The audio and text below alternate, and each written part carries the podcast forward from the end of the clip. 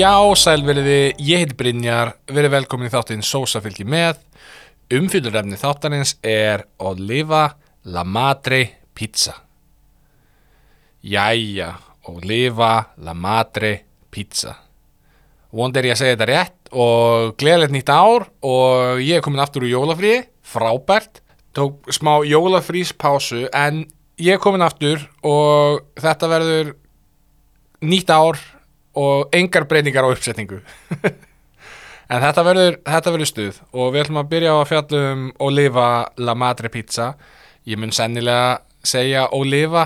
Á einhvern tímabóti gæti ég sagt Olivia eða eitthvað svoleiðis. Ég, þetta, er nafn, þetta er eitthvað sem er bara í hausnum á mér sem er bara eitthvað svona galli. Ég, ég breyti þessu bara einhvern veginn í hausnum á mér. En vonandi getið þið lifað með því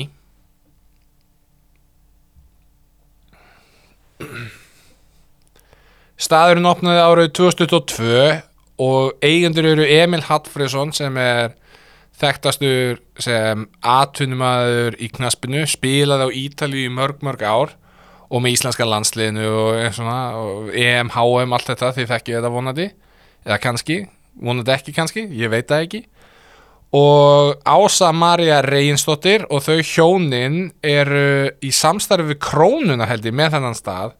Að það er eitt staður á Suðlandsbraut og síðan er svona lítið útibú í Krónunni í skeifu.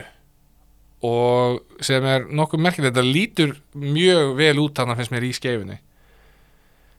En það er lítil saga í raun og veru á bakvita þar að segja annað en þetta er hugmynd sem Ása er að minn skils búin að vera með lengi að opna svona pizzastað og eitthvað þá áttina.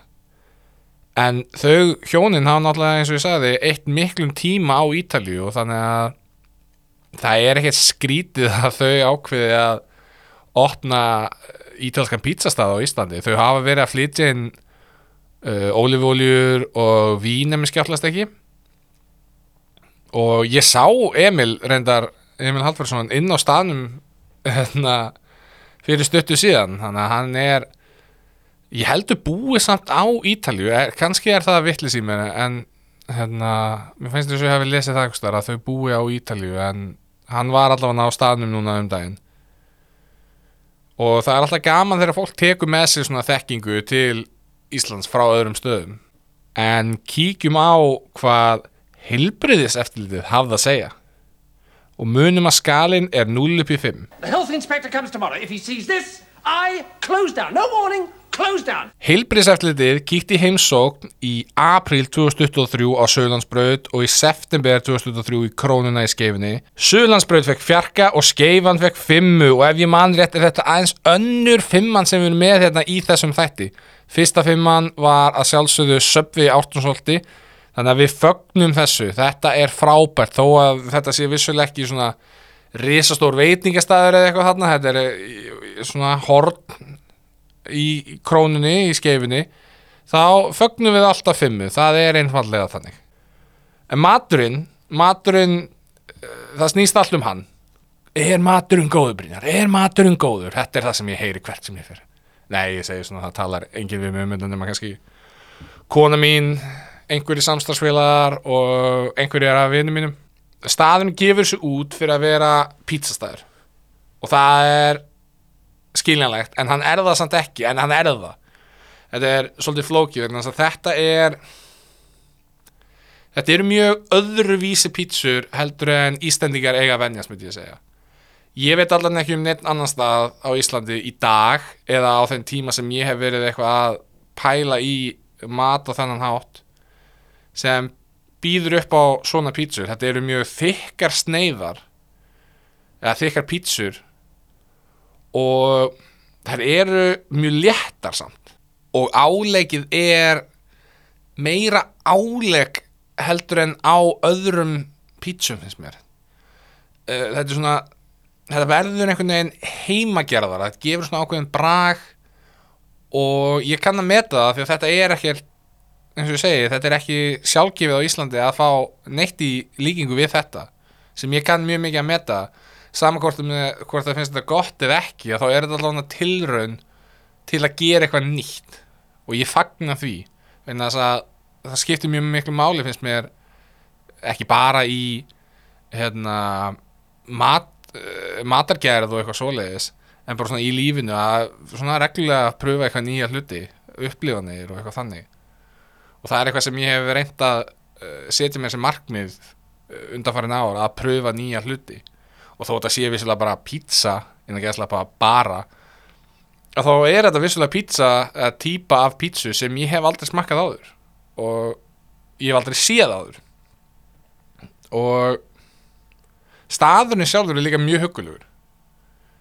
Ég kann mikið að meta hvað hann er hann er svona hann er hátt til loft, svo hann er opinn og bjartur og en það er eitt sem það er eitt sem er svolítið aðeinsvert er að ég hef alltaf farið í hádeginu og þá er hádegisréttar uh, seðill og þá eru pítsur á 2500 krónur. Ég veit ekki hvað það kostar annars en 2500 krónur finnst mér mjög fínt fyrir það sem maður fær. Þetta er mikill matur sem þú fær það sem mér finnst smá skrítið sem ég hef lendi í þegar ég verið að fara á, á staðinn að það er mjög lítið að gera þegar ég fer á staðinn í hátdeinu það er kannski svona ekki 5-6 manns á staðnum og svo ég.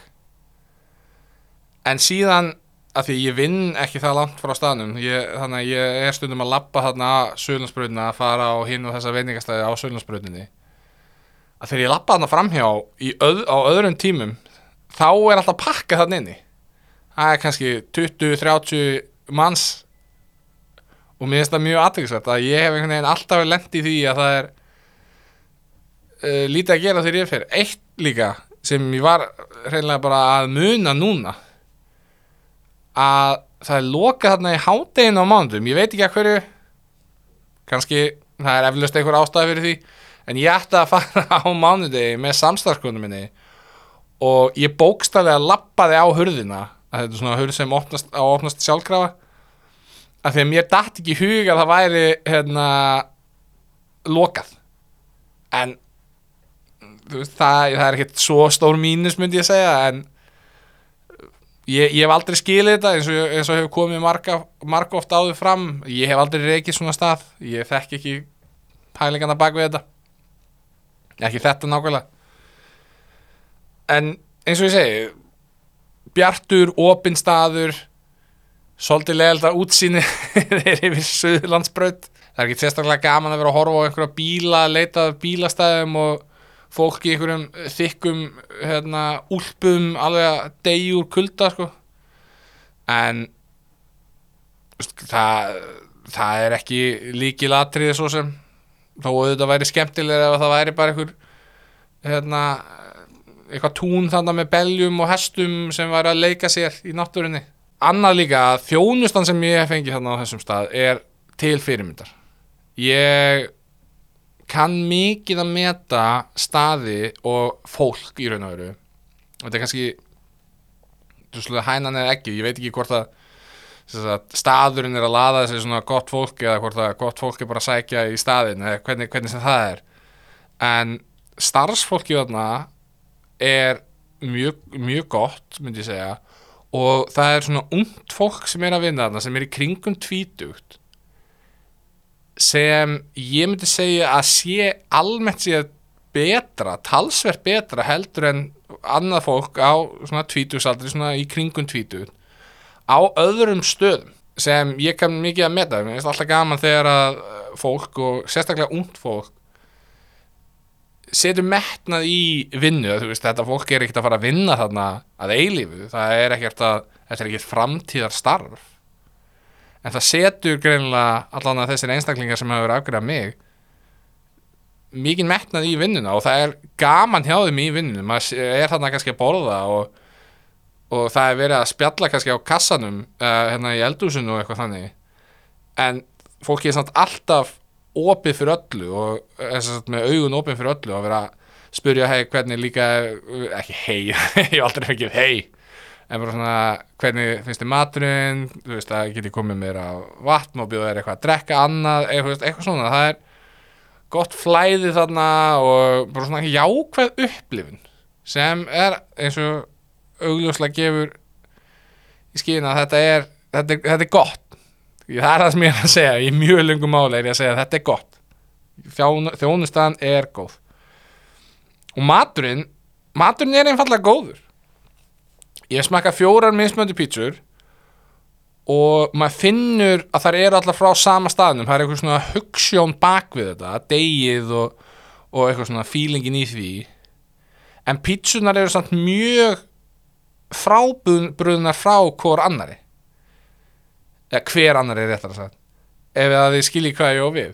Maður, þú- þó að sért með tvær pítsur sem þegar maður horfir kannski á matseðilinn eru smá líkar að þá er bræðprófílarnir eru öðruvísi. Þá, það þarf ekki mikið til greinlega áleggið er það gott að bæta að taka eitt álegg og bæta öðru á en vera síðan með sömu sama álegg á pítsunni og kannski einhver annar pítsu bara pluss einn og mínus einn það breytir rosalega miklu og, og einhver sem maður hefði ekkert endilega haldið að myndi breyta miklu.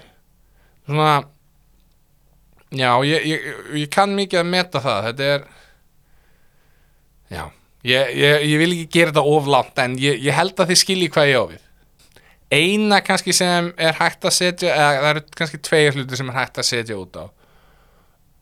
Og fyrra er að samstagskona mín fekk sér kjúklingasalat. Og hún sagði hreinlega að það væri ekki gott. Ég, en ég smakkaði ekki þannig að ég get ekki dæmt um það.